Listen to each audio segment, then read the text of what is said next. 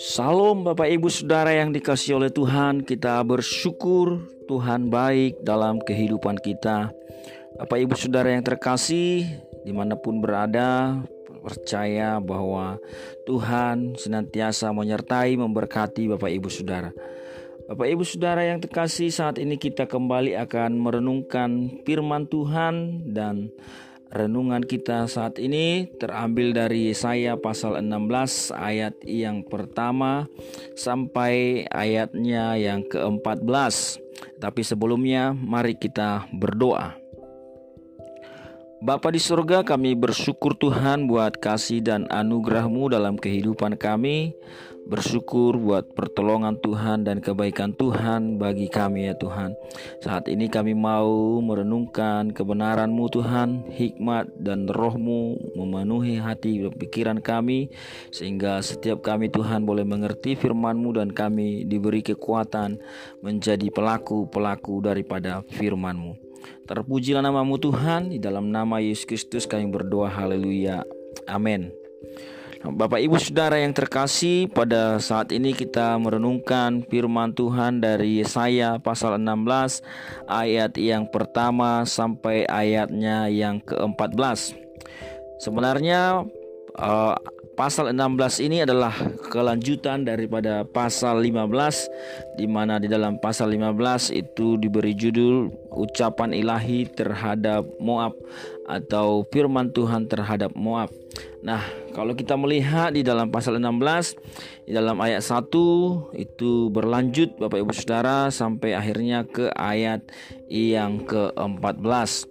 Tetapi dalam pasal 16 ini ayat 1 sampai 14 itu secara khusus uh, kita bisa melihat menjadi dua bagian yaitu ayat pertama sampai ayatnya yang ke-12 itulah firman yang disampaikan kepada Moab.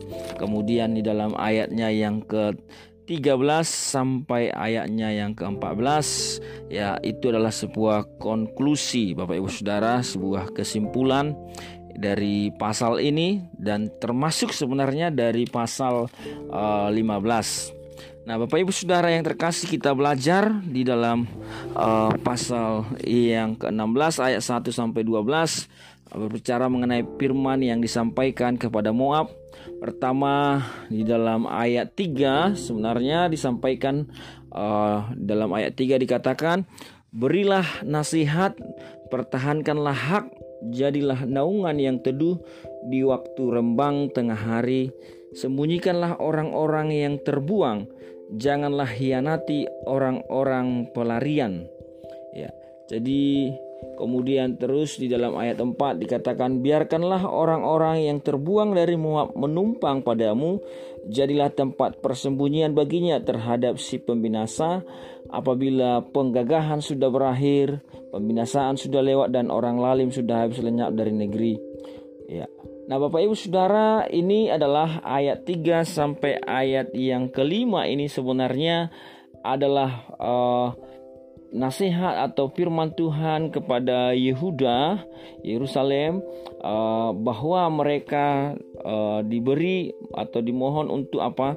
Untuk memberi nasihat untuk mempertahankan hak-hak orang Moab atau hak-hak orang-orang yang sedang berada dalam pelarian dan supaya mereka menjadi naungan ya bagi orang-orang yang sedang berada dalam pelarian yaitu orang Moab sendiri di mana orang Moab sedang dijajah Bapak Ibu Saudara kemudian sedang dijajah bangsanya kemudian mereka sebagian pergi ke Yehuda ke Yerusalem dan mereka diminta orang-orang Yerusalem diminta supaya mereka menjadi tempat uh, naungan bagi orang-orang yang terjajah Bapak Ibu Saudara.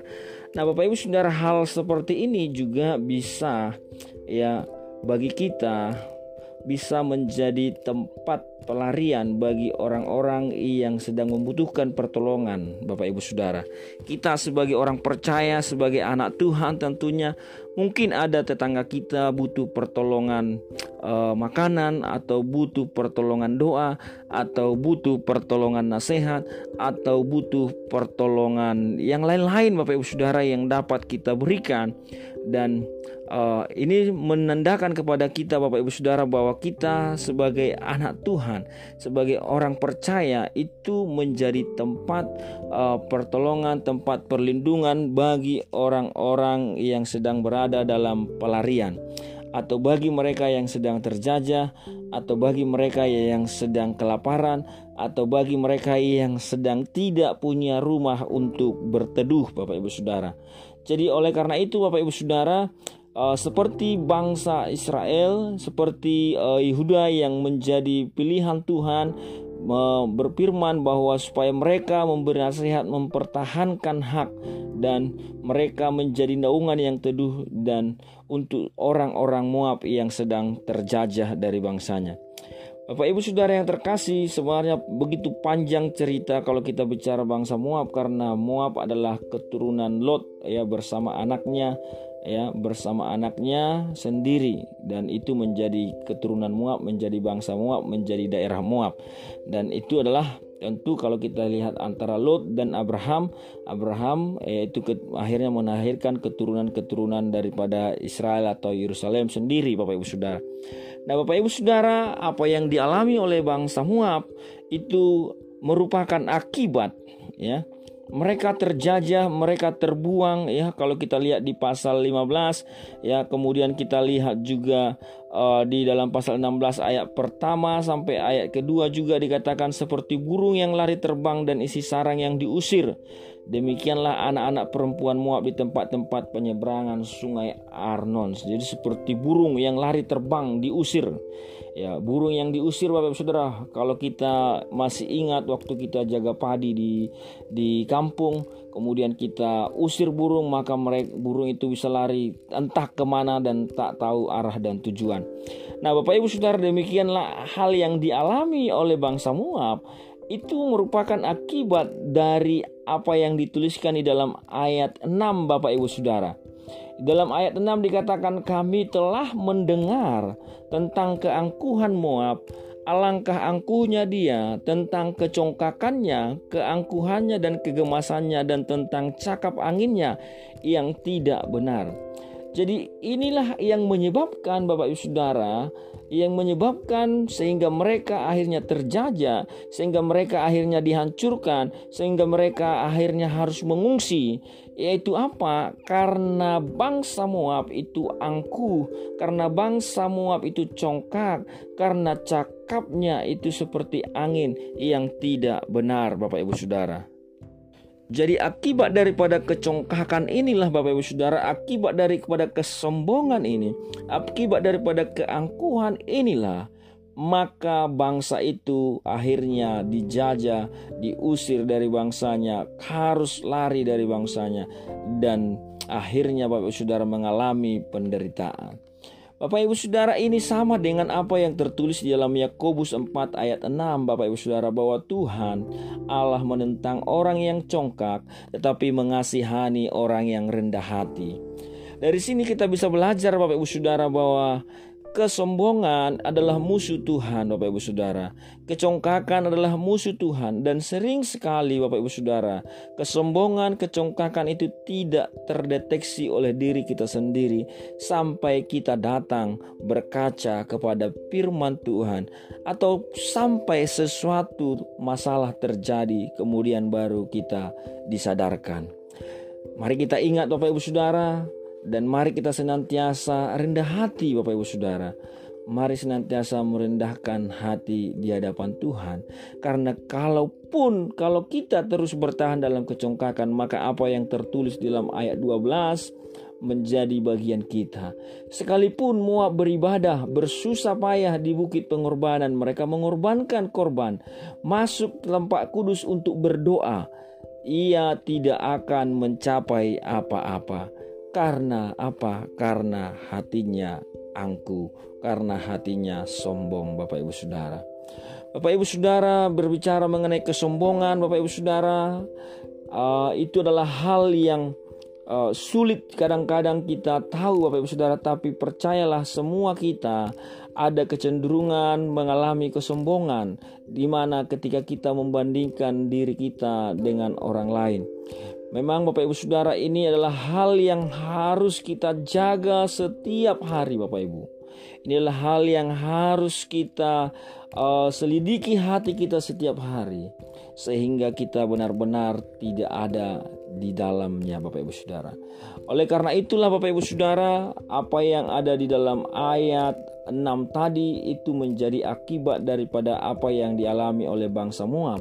Kemudian dalam ayatnya yang ke-13 14 sebagai konklusi Bapak Ibu Saudara dikatakan bahwa akan ada tiga tahun masa kerja prajurit upahan ya prajurit upahan, maka kemuliaan Moab serta dengan keramaiannya yang besar akan menjadi kehinaan dan orang yang tinggal akan sangat sedikit dan tiada berkuasa. Bapak Ibu Saudara yang terkasih, kemuliaan Moab itu akan menjadi kehinaan kemuliaan, keramaiannya, kuasanya akan hilang, tidak ada lagi berkuasa. Ini menunjukkan Bapak Ibu Saudara bahwa Tuhan yang adalah kuasanya tetap, tetapi bangsa-bangsa kuasanya tidak tetap. Bapak Ibu Saudara, kehinaan akan datang bagi bangsa-bangsa yang congkak, bagi orang-orang yang congkak, bagi orang-orang yang sombong, Bapak Ibu Saudara. Maka Tuhan akan mengubah kemuliaannya menjadi kehinaannya, kuasanya menjadi tidak berkuasa Bapak Ibu Saudara. Itulah yang terjadi kepada bangsa semua.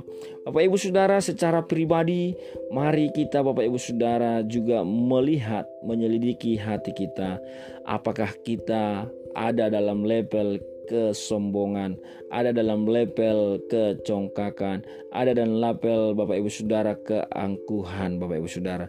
Jika kita memang benar ada di sana, mari kita bertobat bersama-sama Bapak Ibu Saudara dan merendahkan hati kita di hadapan Tuhan, merendahkan hati kita di hadapan Tuhan Bapak Ibu Saudara. Karena hanya Tuhan yang berkuasa, hanya Tuhan yang kuasanya tetap, hanya Tuhan yang tahtanya tetap. Kata manusia tidak bisa tetap Bapak Ibu Saudara. Tahta manusia akan terus tergoncangkan. Tuhan yang berkuasa, Tuhan yang mulia dan kemuliaannya tetap selama-lamanya. Bapak Ibu Saudara, karena kita Bapak Ibu Saudara adalah manusia yang terbatas, sebuah bangsa adalah kuasanya terbatas Bapak Ibu Saudara. Tidak ada perlu kita banggakan Bapak Ibu Saudara, kita sombongkan. Mari senantiasa kita datang kepada Tuhan Bapak Ibu Saudara. Ingatlah pelajaran dari bangsa Moab itu Bapak Ibu Saudara bahwa sekalipun mereka di awal mengalami Bapak Ibu Saudara kejayaan-kejayaan Bapak Ibu Saudara, tetapi pada akhirnya mereka mengalami kehinaan karena kesombongannya. Kiranya Bapak Ibu Saudara firman Tuhan yang kita dengarkan ini boleh memberi kita ruang Bapak Ibu Saudara untuk kita datang sekali lagi ke hadapan Tuhan dan merendahkan hati kita di hadapan Tuhan dan merendahkan hati kita senantiasa sehingga menjadikan kita pribadi-pribadi yang berkenan di hati Tuhan. Terpujilah nama Tuhan, mari kita berdoa. thank you